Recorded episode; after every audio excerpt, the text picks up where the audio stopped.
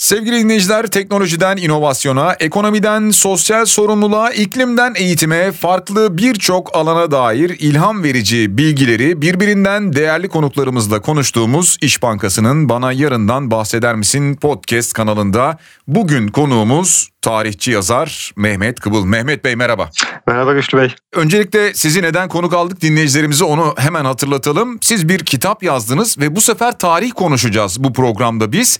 İş Bankası Kültür Yayınlarından çıktı bu kitabınız ve evet. çıkarmadan tahliyeye arı burnu anafartalar muharebelerini anlatıyorsunuz. Evet. Öncelikle biraz kitabınızdan bahseder misiniz? Çok önemli bir çalışma olduğunu düşünüyorum. Nasıl bir çalışma sonucunda yazabildiniz? Ee, şimdi Güçlü Bey biliyorsunuz askeri tarihi hem yazması zor hem de okuması zor bir alan.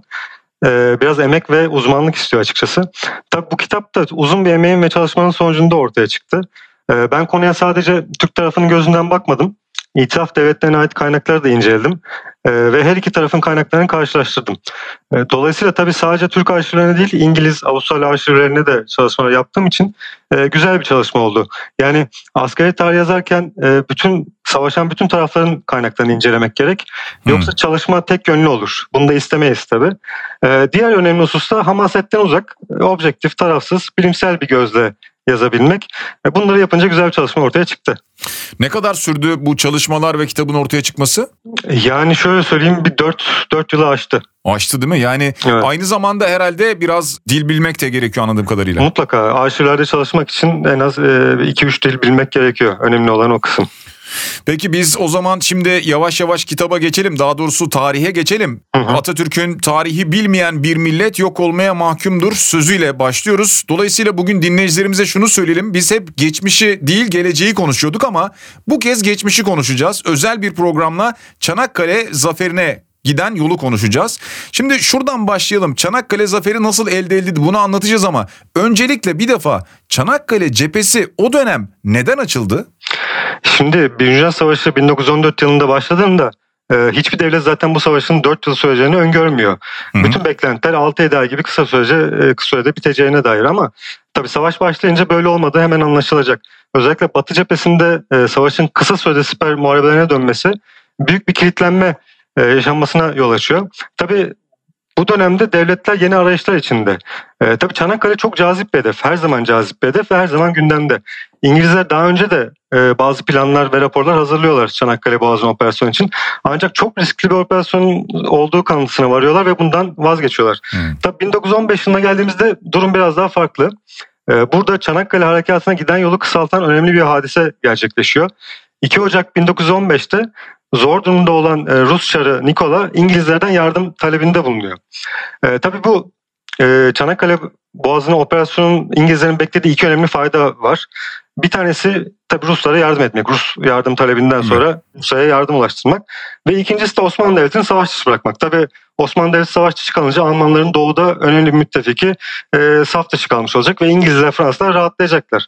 Yani açılmasından e, Çanakkale cephesinin açılmasına iki önemli fayda bunu söyleyebiliriz. Peki ondan sonra ilk harekat kararı nasıl alındı? Yani o günden sonra işte bu 18 Mart 1915'e yani zafere kadar geçen sürede İtilaf devletlerinin hangi saldırıları vardı? Gerçi kısmen biliyoruz hepimiz ama evet. en kuvvetli saldırıları özellikle hangileri oldu? Şimdi önce şunu söyleyeyim. Rus yardım talebi İngiltere'de olumlu yanıt buluyor tabii. Burada Savaş Bakanı Kitchener, Lord Kitchener ve e, Amirallik Birinci Lord'u Winston Churchill e, buna derhal olumlu yanıt veriyorlar.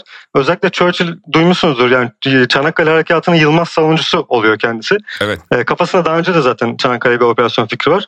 E, ve kendisi Savaş Konseyi'nde böyle e, çok ateşli, heyecanlı konuşmalar yaparak bütün konsey üyelerini etkilemeyi başarıyor. 15 Ocak'ta Çanakkale'deki İtiraf Filosu Komutanı Amiral Cardin'a hazırlıklara başlaması tebliğ ediyor Çanakkale e, Boğazı üzerine. 28 Ocak'ta da Savaş Konseyi kritik bir toplantı hakikaten bu. Çanakkale denizden taarruz yetkisi veriyorlar e, İngiliz e, donanma amiraline. Bu şekilde karar alınıyor. Ancak şunu söylemem gerek. Bu kötü bir planlama. Yani düzgün işleyen bir süreçten sonra alınan karar değil. Hmm. E, İngilizlerin beklentisi şu. E, tabii dev bir filo bu, büyük bir filo. İstanbul Çanakkale'den geçerken bir kere Türk Türklerin kaçacağını düşünüyorlar. İkincisi bu filo İstanbul önlerinde görüldüğünde işte şehirde büyük isyanlar, ihtilaller e, çıkacağı, Türklerin işte teslim olacağı ve barış e, imzalamak zorunda kalacağı düşünülüyor. E, beklenti bu. Yani ve bu şekilde tabii ilk bombardımandan bahsedelim isterseniz. Evet. Ee, Kasım 1914'te Osmanlı Devleti savaşa girdiğinde zaten İngilizler hemen Çanakkale Boğazı'nı bombardıman ediyorlar. Tabii bu İngilizler adına mantıklı bir hamle değil aslında. Çünkü Türklerin dikkati daha ilk anda Çanakkale Boğazı'na çekilmiş oluyor. Yani Türkler burada bir harekat olacağı fikrini daha Kasım 1914'te anlıyorlar. Ve tabii savunma hazırlıkları hızlanıyor. Daha sonra Şubat ayında bazı operasyonlar var. Mart başında var yani 18 Mart'ta gelmeden önce. Burada yapılan e, harekatta daha çok bizim Boğaz'ın dış ta, e, tabyaları, dış istikamlar dediğimiz tabyalar üzerine yapılıyor ve bu tabyalar susturuluyor. Ancak tabii bu e, tabyalar bizim zaten gözden çıkardığımız tabyalar. İşin kolay kısmı yani. Hmm. Ee, zor kısım 18 Mart'taki büyük saldırıda belli olacak. Yani bu şekilde 18 Mart'a doğru ilerlenmiş oluyor. Aslında burada İngilizlerin belki de kendilerine olan güveni yani özgüvenleri fazla ve bir anlamda evet. da Osmanlı ordusunu küçümsemeleri, insanları Kesinlikle. küçümsemeleri de var değil mi? Kesinlikle evet. Çok önemli faktör. Yani büyük hatayı onları o götürüyor evet. muhtemelen. Peki tarihte hep konuşulan 18 Mart'tan bahsedeceğim. 18 hı hı. Mart e, Boğaz Muharebesi'nde Osmanlı'nın savunma planı genel olarak neydi? İyi bir planlama vardı çünkü aynı zamanda. Bir de bu planlama içerisinde ne zaman tabii ki 18 Mart'ı konuşsak Nusrat Mayın gemisini de muhakkak konuşuruz. Evet. Nusrat Mayın gemisinin bu muharebedeki rolünü de sizden dinleyelim. Şimdi tabii Boğaz'ın e, savunması güçlü. Yani bir kere tabii Çanakkale Boğazı geçilmesi zor bir e, su yolu. E, Boğaz'ın en dar yerinde çok güçlü tabyalarımız var, güçlü toplarımız var bizim. Bunun yanında bataryalar var, e, seyyar toplarımız var. Tabii bunların da yanında asıl önemli unsur, Türk savunmasının asıl önemli dayanağı mayın e, hatları, mayın tarlaları. 11 adet mayın hattımız var Boğaz'ın en dar yerinde. E, bu çok önemli. Tabii mayın denince evet dediğiniz gibi Nusret ya da Nusret mayın gemisi akıllara geliyor. Şimdi Nusret 18 Mart gününün gerçekten kaderini değiştiren e, gemi. Şimdi 18 Mart'tan önce tabii İngiliz ve Fransız gemileri Boğaz'a giriyorlar, çıkıyorlar, ateş ediyorlar falan. E, burada Dar bir yol burası, dar bir su yolu. Ancak Erenköy koyu dediğimiz yer Boğaz'ın biraz genişlediği bir nokta. Burada İngiliz ve Fransız gemilerinin manevra yaptıkları Türklerin gözünden kaçmıyor. Daha sonra kıdemli yüzbaşı İsmail Hakkı Bey komutasında Nusret 8 Mart günü bu noktaya 26 adet mayın döşüyor. Hmm. Ve bu mayın bu mayın hattını diğer mayın hatlarından ayıran özellik bu mayın hattı kıyıya paralel olarak yani dikey olarak döşeniyor. Dediğim gibi bu 18 Mart Muharebesi'nin kaderini değiştirecek bir hamle. Tabi İngilizler Fransız adına da sorun şu. 8 Mart'ta döşeniyor dedik. 18 ee, Mart'a kadar 10 gün geçiyor ve bu 10 gün boyunca İngilizler, Fransızlar burada mayın hattı olduğunu tespit edemiyorlar. Hatta bu bölgenin mayınsız olduğuna dair e, raporlar veriliyor. E tabi bu çok büyük bir hata. 18 Mart'ta bu kendilerini pahalıya patlayacak. Şimdi 18 Mart günü geldiğinde 18 Mart sabahı 18 savaş gemisi itiraf filosu 18 savaş gemisinden oluşuyor. Bunlar 3 hat halinde aşama aşama boğazın içine girecekler. Ve sabah saatlerinde harekat fena gitmiyor, iyi gidiyor. Fakat öğle vakti geldiğinde e, Boğaz'da bir kere gemi trafiği artmış oluyor. Arka arkaya gemiler girdiği için. Hı hı. E, ikincisi Türk tabyalarına yaklaştıkları için Türkler e, isabetli atışlar yapmaya başlıyorlar.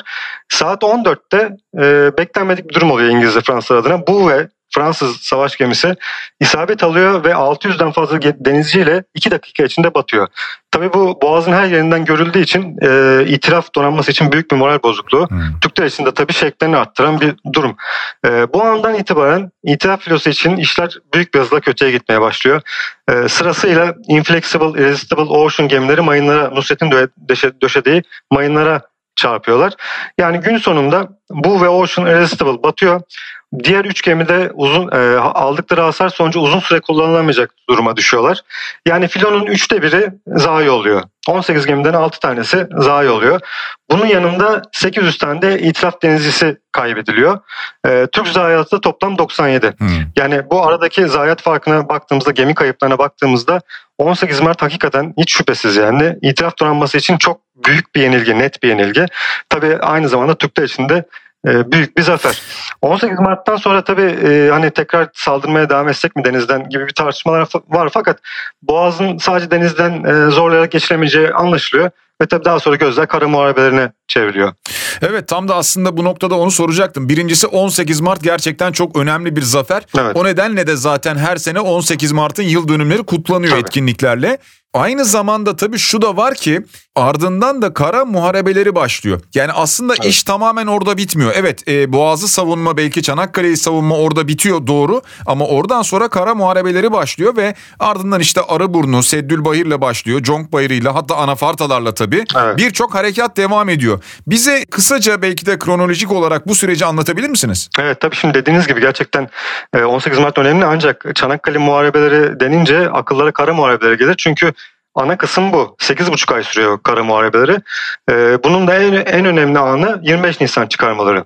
Tabi muharebelerin gidişatı 25 Nisan ve sonrasındaki birkaç günde şekilleniyor.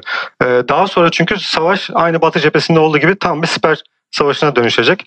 Dolayısıyla 25 e, Nisan çıkarma üzerinde biraz duralım isterseniz. Hı hı. Ee, şimdi e, Akdeniz Seferi Kuvvetleri Komutanlığı kuruluyor. Bu komutanlık İngiliz General Hamilton e, komutasında 75 bin kişiden oluşuyor. Tabii içinde sadece İngilizler yok bu arada. E, Fransızlar da var ya da işte bunların sömürgelerinden gelen işte hepimizin bildiği Anzakları biliyoruz işte Avustralya, Yeni Zelandalılar ya da evet. Fransızlarla gelen Senegaliler falan var.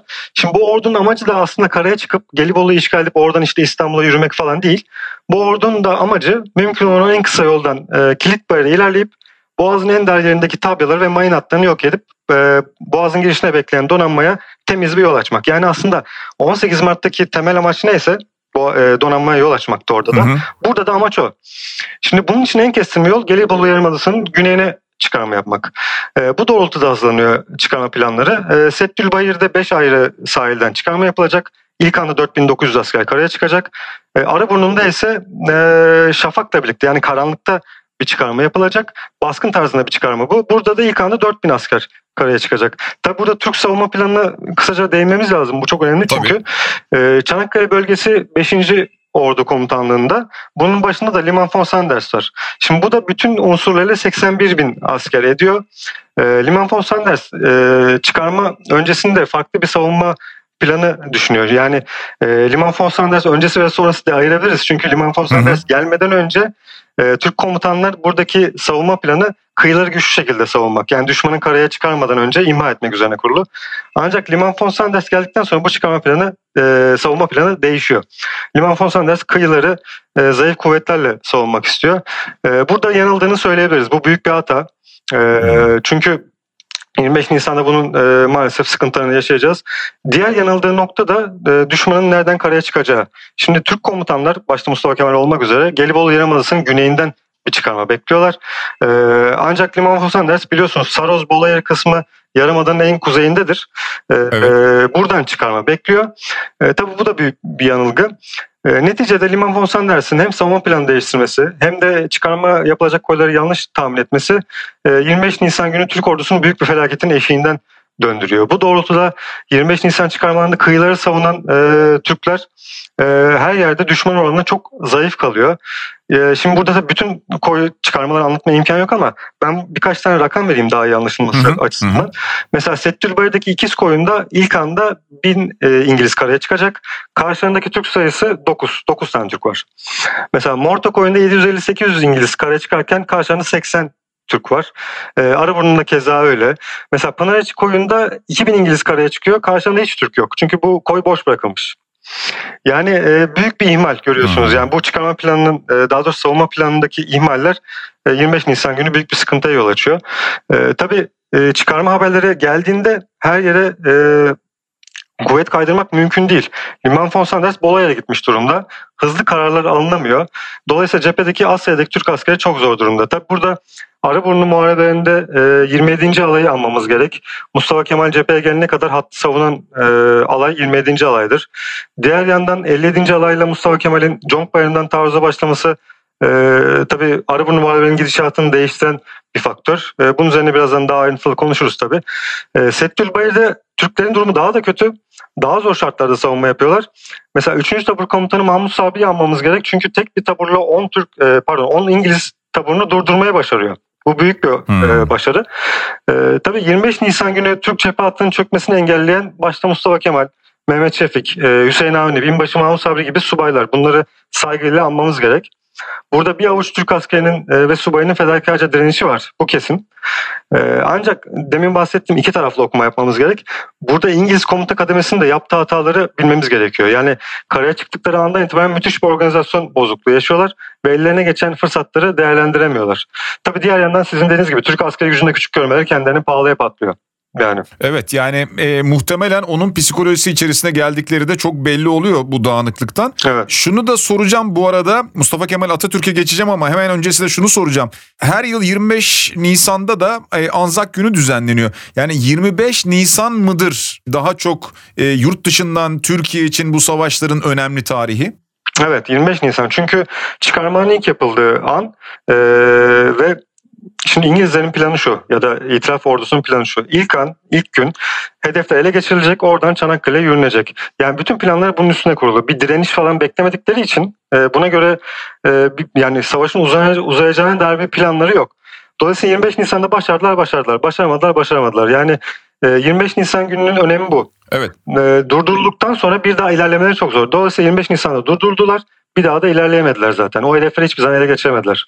Evet şimdi kara harekatları deyince az önce siz de bahsettiniz. Mustafa Kemal Atatürk orada devreye giriyor. Yani aslında Mustafa Kemal'in askeri dehasının belki de ortaya çıktığı kara savaşları diyebiliriz bunlar için. Mustafa Kemal'in bu savaşlar içerisindeki rolünü biraz anlatabilir misiniz bize Mehmet Bey? Tabii şimdi e, demin Arıburnu'ndan bahsettik. Biraz da Anafartar'dan da bahsedeceğiz.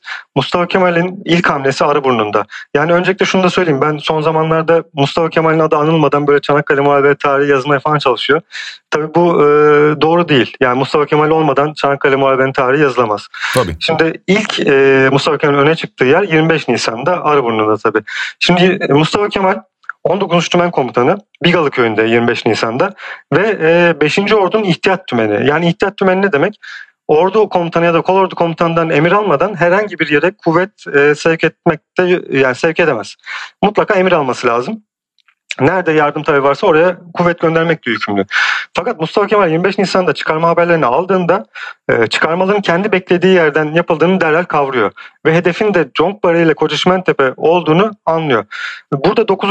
Tümen Komutanı Halil Sami Bey Mustafa Kemal'den bir taburluk yardım talep ediyor Arıburnu'na. Mustafa Kemal tabi bu bir taburun az geleceğini e, düşünerek kendisi bir alayla yani 3 tabu, e, üç taburla muharebeye katılmak istiyor. Hı hı. Tabii burada şunu bir daha söyleyeyim. Mustafa Kemal ordu ihtiyatı. Yani normal şartlar altında ordu komutanından emir almadan bir yere kuvvet sevk edecek durumda değil. Ancak durumun çok kritik olduğunu gördüğü için tereddüt etmiyor. Yani hem inisiyatif alıyor, hem sorumluluk alıyor, hem de risk alıyor aslında kendi adına. Evet. Evet yani bu şekilde Bigalı köyünden Jokbay'ın hareket ediyor. Ee, yanına bir bölük alıyor hareketi hızlandırmak için. Bir bölükle kendisi de en önde. E, Koca Çimentepe üzerinden Jonkbayır'a geliyor. Burada geri çekilmekte olan Türk askerlerini görüyor. Bu askerler de saatlerdir artık Anzaklara karşı e, savaşan direnen 27. alay askerleri. Bu askerleri gördüğümde meşhur bir diyalog var tabii. Onu istiyorsanız hemen kısaca lütfen, lütfen. söyleyeyim. Evet. Mustafa Kemal askerlerin geri çekildiğini görünce diyor ki e, neden geri çekiliyorsunuz, neden kaçıyorsunuz diyor. İşte efendim düşman diyorlar Türk askerleri. Düşmandan kaçılmaz diyor. E, cephanemiz bitti diyorlar. Cephaneniz yoksa süngünüz var diyor ve süngü taktırarak bunları yere yatırıyor. Evet. Tabii e, Türk askerlerinin bu şekilde yere yatmasından sonra Anzaklar da yere yatıyor. Daha sonra işte geriden 57. alayın ana kısmı geliyor. Saat 10'da e, Anzaklara taarruza kalkıyor ve e, Conkbayırı, Kocaçmentepe kesin olarak güvence altına alınıyor. Mustafa Kemal daha sonra kazandığım zaman bu andır diyecektir e, ki doğrudur bu. Bu müdahaleyle Arabun cephesinin ilk gün ilk saatlerde çökmesi önlenmiş oluyor. Bunu bir kere söyleyelim. İkincisi anafartlara gelelim hemen kısaca. Şimdi burada Türk e, savunma düzeni yine hatalı. Liman Fondas, e, yine büyük hatalar yapmış durumda. Çıkarmayı yine Bolayır'dan bekliyor. E, yine çok buhranlı saatler yaşanıyor. Tıpkı 25 Nisan'daki gibi. Burada 8 e, Ağustos'ta Mustafa Kemal'in Anafartar Grup Kumandası kumandanı olması var. Tabii burada 5. E, Ordu Komutanı'nın kurmay başkanı Mustafa Kemal'e soruyor hani e, çok büyük buhran yaşandığı için çare nedir ne yapmamız lazım diyor. Mustafa Kemal diyor ki bütün mevcut kuvvetlerin emrime, emrime verilmesinden başka çare yoktur diyor. Aldığı cevap şu çok gelmez mi diyorlar az Hı-hı. gelir diyor. Şimdi burada Mustafa Kemal'in vatan savunması için hani en sıkıntılı anda sorumluluktan kaçmayan bir komutan olduğunu tekrar görüyoruz. Daha sonra 9 Ağustos'ta e, Anafartar'da 13 Türk taburuyla 22 İngiliz taburunu yeniyor. E, bir gün sonra da Conk Bayırı'nda 10 Ağustos'ta baskın tarzında süngü hücumuyla İngilizleri Conk Bayırı'ndan temizliyor ki bu Conk Bayırı taarruzu e, Çanakkale'deki Türk, e, Türklerin Çanakkale'deki en başarılı taarruzudur. Mustafa Kemal'in taktik dehasının öne çıktığı bir taarruzdur. Şimdi burada e, bir cümle söyleyeyim isterseniz. Bu Hamilton, başkomutan Hamilton, İngiliz başkomutanı. Karşısında Türk, e, Jongbay'ındaki Türklerin komutanının Mustafa Kemal olduğunu bilmeden günlüğüne bir cümle yazıyor. Çok enteresan. Onu okuyayım hemen. Lütfen. Şöyle söylüyor. E, Jongbay'ındaki Türkler çok iyi bir komutana sahipler. Bunu eklemeliyim. Başlarındaki general bizi baskınla bastırmadıkça yenemeyeceğini biliyor durmadan baskın taarruzlar deniyor deniyorlar diyor. Şimdi tabii İngilizlerin şanssızlığı tıpkı 25 Nisan'da olduğu gibi e, en kritik yerde karşılarına Mustafa Kemal'in çıkması.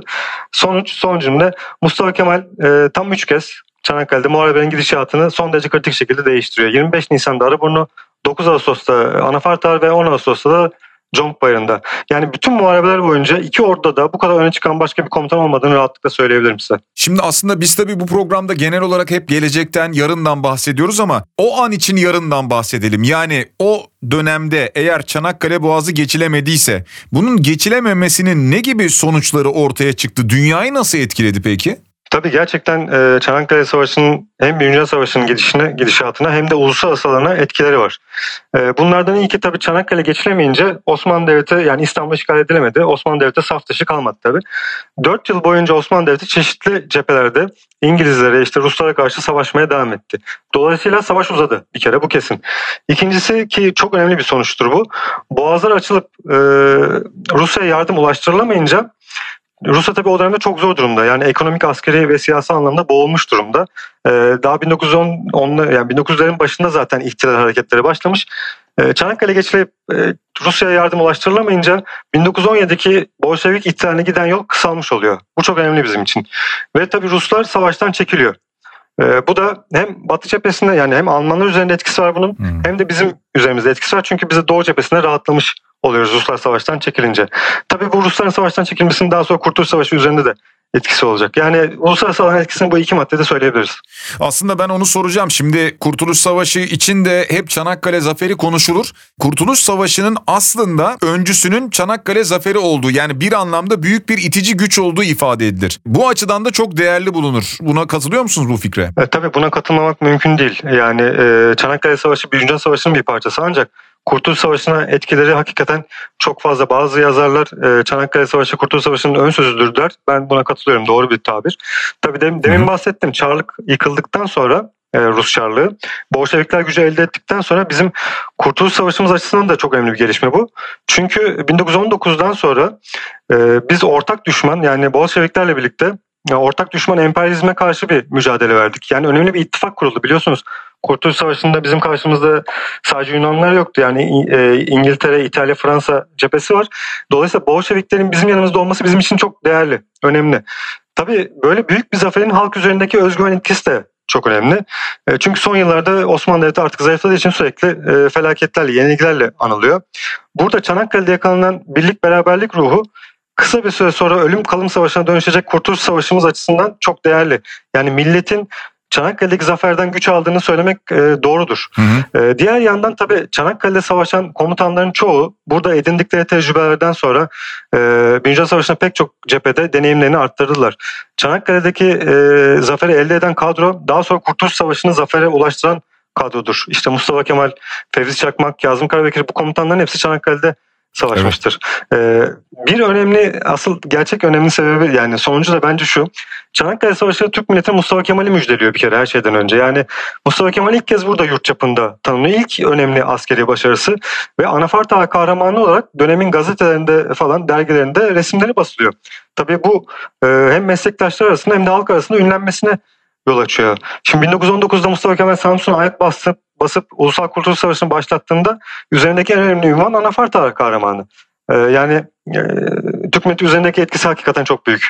Evet aslında burada işte o dehanın ortaya çıktığını çok net bir şekilde bir kez daha görüyoruz. Evet. Peki bu Çanakkale zaferinden sonra zaman zaman tarihe dönüp bakıldığında şöyle bir tartışma da yapılıyor. İstanbul çünkü ardından işte 1918 yılında e, fiilen 1920 yılında da resmen işgal ediliyor. Yani İstanbul'a yine de gelindi, İstanbul yine de işgal edildi gibi bazı tartışmalar e, evet. yapılıyor. 1915 yılında İstanbul işgal edilseydi yani 1918 ve özellikle 1920'de değil de o zaman ne gibi değişiklikler olurdu sizce? Şimdi tabii bu yorumlara ben de çok sıklıkla rastlıyorum ama bu tabii e, yani biraz sığ yorum oluyor. Hani 1915 yılında geçilmesi 1918 yılında geçilmesi tartışmaları çok doğru değil. Çünkü 1915 yılında geçilseydi bir kere bambaşka tarih bambaşka bir akış içinde ilerleyecekti. Şimdi bu dönemler çok e, arka arka gelişmelerin olduğu dönemler. Mesela şöyle söyleyeyim 1914 yılında Birinci Dünya Savaşı başladığında ki dünya ile 1918 yılında Dünya Savaşı bittiğindeki dünya aynı olabilir mi? Yani mümkün değil. E, 4 yıl bize kısa bir süre gibi geliyor ama e, bu sürede çok muazzam siyasi, sosyal, askeri, ekonomik değişimler yaşanıyor hem bizim coğrafyamızda hem de Avrupa'da yani Dünya Savaşı adı üstünde hı hı. bu savaştan sonra imparatorluklar yıkılıyor. Yani düşünün. Şimdi tabii 1915 yılında İstanbul işgal edilse İngilizleri bilmiyorum bir daha buradan İstanbul'dan çıkarmak kolay olur muydu olmaz mıydı hiç zannetmiyorum. Hı. Yani 1915 yılında İstanbul işgal edilse Çanakkale geçilse e, Mustafa Kemal kendini bu kadar öne çıkarabilir miydi? E, Çanakkale Savaşı olmasaydı ya da millet 1918'den e, sonra Kurtuluş Savaşı'na hazırlandığı gibi 1915 ee, yılından sonra hazırlanabilir miydi? Buna fırsat bulabilir miydi? Hakikaten e, yani bunlar tabii cevaplanması zor sorular ama bence olmazdı. Çok zor olurdu. Yani 1915 yılında Çanakkale'nin geçilmesiyle 1918 yılında geçilmesi arasında çok ciddi fark var. Evet. Peki bu arada zaten o dönemde savaşan hem komutanlarımızı başta Mustafa Kemal Atatürk olmak üzere e, savaşa o noktada Osmanlı adına destek veren kim varsa hepsini bir kez daha buradan rahmetle biz saygıyla anıyoruz. Kesinlikle. Çanakkale Savaşı konuşulunca şimdi hayatını kaybedenlerden şehitlerden bahsediyoruz. Çok fazla bilgi kirliliği de bir yandan gündeme geliyor. Ama bazılarını hiç gündeme bile almak istemiyorum ben de. Mesela 57. alayın tamamı şehit olduğu gibi veya işte Türk askerleri sefalet ve açlık içindeydi gibi o dönemde bazı bilgiler var. Veya işte çocuk askerler vardı 250 bin şehit verdik gibi bilgiler var. Evet. Aslında size şunu soracağım. Sizin de hakim olduğunuz bir konu bu. Bu doğru bilinen, doğru sanılan yanlışları bize biraz anlatabilir misiniz? E, tabii şimdi e, güçlü ve deminden beri işte konuşuyoruz. Hani Çanakkale Savaşı'nın e, çok önemli bir zafer olduğunu, dünya tarihini değiştirdiğini falan söylüyoruz söylüyoruz. Bu gerçekten şüphesiz büyük bir destan. Ama gerçekleriyle bir destan. Yani daha sonra uydurulan, anlatılan hikayelerle, masallarla değil. Şimdi günümüzde insanlar bu masallara, hikayelere çok inanmaya başladı. Şimdi bizim dolayısıyla gerçekleri anlatma gibi bir sorumluluğumuz var, sorumluluğumuz var tarihçiler olarak. Ee, şimdi ben bu kısaca bahsettiğiniz başlıklar üzerinde biraz bilgiler vereyim. Çünkü bu anlatılan hikayeler Çanakkale'de şehit düşen işte gazi olan insanların hatalarına saygısızlık oluyor biraz. E, şimdi istiyorsanız şeyle başlayalım. Bu e, zayiat konusuyla başlayalım. Hı hı. Şimdi Türk ordusunun zayiatı 589 subay olmak üzere e, daha doğrusu şehit sayısı bu. 589 subay olmak üzere 57.263 şehit. Hastalıktan ölenler var, yaralarından ölenler var. Bu toplam ölüm toplandığında yani yaklaşık 100 bin şehit diyebiliriz. Hmm. Yani muharebe meydanlarında ölen, hastalıktan ölen, yaralarından ölen. Tabii net rakam vermek çok doğru yani her zaman doğru değil ama yaklaşık diyelim biz ona 100 bin şehit. Tabii diğer yandan 110 bin yaralımız var. 70 bin e, hasta var. Hmm. Hava değişim alanlar var. 10 bin esir var. Yani bu 250 bin rakamı şehit rakamı değil. Toplam zayiat rakamıdır. Hmm. Yani anlatabiliyorum değil mi? Şehit rakamı 100 bin civarı. Toplam zayiat 250 bin. Hmm. Yani bu şekilde bu 250 bin şehit rakamına inanmasınlar. Diğer yandan itilaf ordusunun da kayıpları aşağı yukarı aynı. Toplam zayiat onlarınkisi de şehitti yani ölü değil. Hmm. 252 bin. Aşağı yukarı iki ordunun zayiatı aynı. Şimdi buradan şeye gelelim. Bu yemek evet. e, işte yemek yoktu, askerler perişan şekilde savaştı falan diye. E, şimdi bir kere 1915 yılı savaşın henüz başı. Dolayısıyla Osmanlı Devleti kaynaklarını henüz tüketmemiş durumda. Ve Çanakkale İstanbul'a çok yakın. Yani merkeze çok yakın olduğu için tabii e, çok da önemli bir cephe. Bütün imkanlar, eldeki bütün imkanlar akıtılıyor Çanakkale'ye. E, her türlü. Yani beslenme tabii mükemmel diyemeyiz ama e, eldeki imkanlar çerçevesinde iyi. Bunu nereden öğreniyoruz? Belgelerden öğreniyoruz, raporlardan. O dönem sava orada savaşmış askerlerin anılarından. Mesela ben son dönemlerde esir ifadelerini inceliyorum. İşte İngilizlere esir düşmüş Türk askerlerinin ifadelerini inceliyorum. E, burada mesela iki tane örnek hı hı. vereyim isterseniz belgelerden. Mesela 126. alaydan bir onbaşı Türk e şöyle söylüyor. Yemek sorunu yoktu diyor. Her gece sıcak yemek yediklerini bazen de sıcak kahvaltı yaptıklarını belirtiyor. E, 72. alaydan Er Hasan Sadullah isimli bir askerimiz daha ayrıntılı bilgiler veriyor ve ifadesinde şunları söylüyor. Sabah erken saatlerde çorba, öğlen peynir, zeytin, e, kuru üzüm, akşamlar ise bulgurla birlikte fasulye veya bezelye. Bazen de bu sebzelerin haşlamalarını yediklerini belirtiyor. Yani tabii buradaki iddiamız dediğim gibi mükemmel beslenme vardı diyemeyiz. Ama zaten Birinci Dünya Savaşı'nda hangi ordu mükemmel besleniyordu ki yani? Bunu da düşünmek lazım. İngilizler çok mu iyi besleniyordu zannediyoruz Çanakkale'de. Dolayısıyla bu aç savaşıldı, perişan savaşıldı, üstü başı yoktu askerlerimizin falan. Bu doğru değil. Bunu da bir kenara hemen koyalım. 57. alaya gelelim. 57. alay e, tamamı şehit düştüğü falan yanlış. 57. alay Çanakkale muhabirin başından sonuna kadar başarıyla görev yapıyor. Daha sonra Galicia cephesine gönderiliyor. Oradan da Filistin'e gönderiliyor. Yani 57. alayın tamamının şehit düştüğü doğru değil. Ee, diğer önemli konu benim asıl üstüne durmak istediğim konu bu çocuk askerler Evet. Hikayesi. Şimdi geçen ben bir yazı okudum internette. 60-70 bin öğrenci şehit olmuş Çanakkale'de falan gibi. İnsanlar altına böyle onlarca yorum yazmış falan. Yani bu hakikaten doğru değil yani. Bu çok e, yanlış bir bilgi. 60-70 bin öğrenci e, yani nereden buldunuz da Çanakkale'ye getirdiniz hepsi şehit oldu. Hmm. Yani imkansız.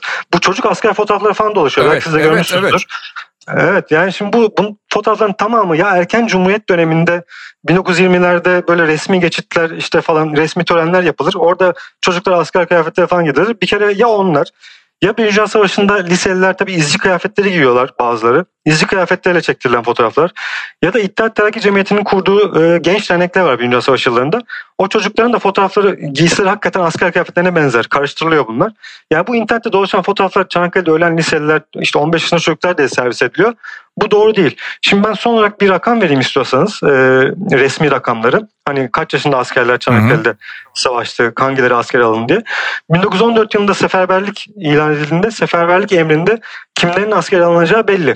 20 ila 45 yaş arası Osmanlı tebaası erkekler askere alınıyor. 1915 yılında bu tabi muharebeler ilerleyip e, asker ihtiyacı arttıkça 20 yaş sınırı 18 yaşa düşürülüyor. 1916'da üst yaş sınırı 50'ye çıkıyor. Yani 1916'da alt yaş 18, üst yaş 50. Hmm. E, Temmuz 1916'da da gönüllülerle ilgili bir düzenleme yapılıyor. Burada da en az 17-18 yaş. Şimdi Tabi biliyorsunuz bu H15 ile M15'li türküsü Evet. var işte. Burada hep şey derler. Bunlar 15'liler. 15 yaşında işte şehit düşen Çanakkale şehit düşen 15 yaşındaki çocuklara ait falan diye. Bu doğru değil. Bu 1315 o zamanki takvime göre 1315 doğumları ifade eder. 1315 doğumlular da Çanakkale'de savaşmamışlardır. Bunlar 1917 yılının sonunda askere alınmışlardır. Yani Çanakkale'de yoklar. Onu kesin olarak e, söyleyebilirim. Yani istiyorsanız son söz olarak bir şey daha Lütfen. ekleyeyim ben bitirmeden. Yani bu tabii hikayeler, masallar güzel tabii keyifli geliyor. İnanması kolay ama bunlara inanmayalım. Ben bizi dinleyenlerden ricam e, bu hikayeler internette işte dolaşan e, masallara falan e, inanmasın. Yani her gördüklerine inanmasın en azından. Çünkü çok fazla bilgi kirliliği var. E, ve Çanakkale Muharebe'yle ilgili okuma yapmak istediklerinde mutlaka aldıkları kitapların arkasına kaynakça bölümüne bir baksınlar, bir göz atsınlar.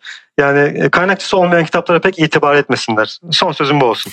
Mehmet Bey sizin son sözünüz o olsun. Bizim son sözümüz şu olsun. Mehmet Kıbıl'ın Çıkarmadan Tahliyeye Arı Burnu Anafartalar Muharebeleri kitabından da bu detaylı bilgileri öğrenebilirsiniz. Sevgili dinleyiciler biz de size bunu aktarmış olalım. Mehmet Bey çok teşekkür ediyoruz katıldığınız için sağ olun. Ben teşekkür ederim.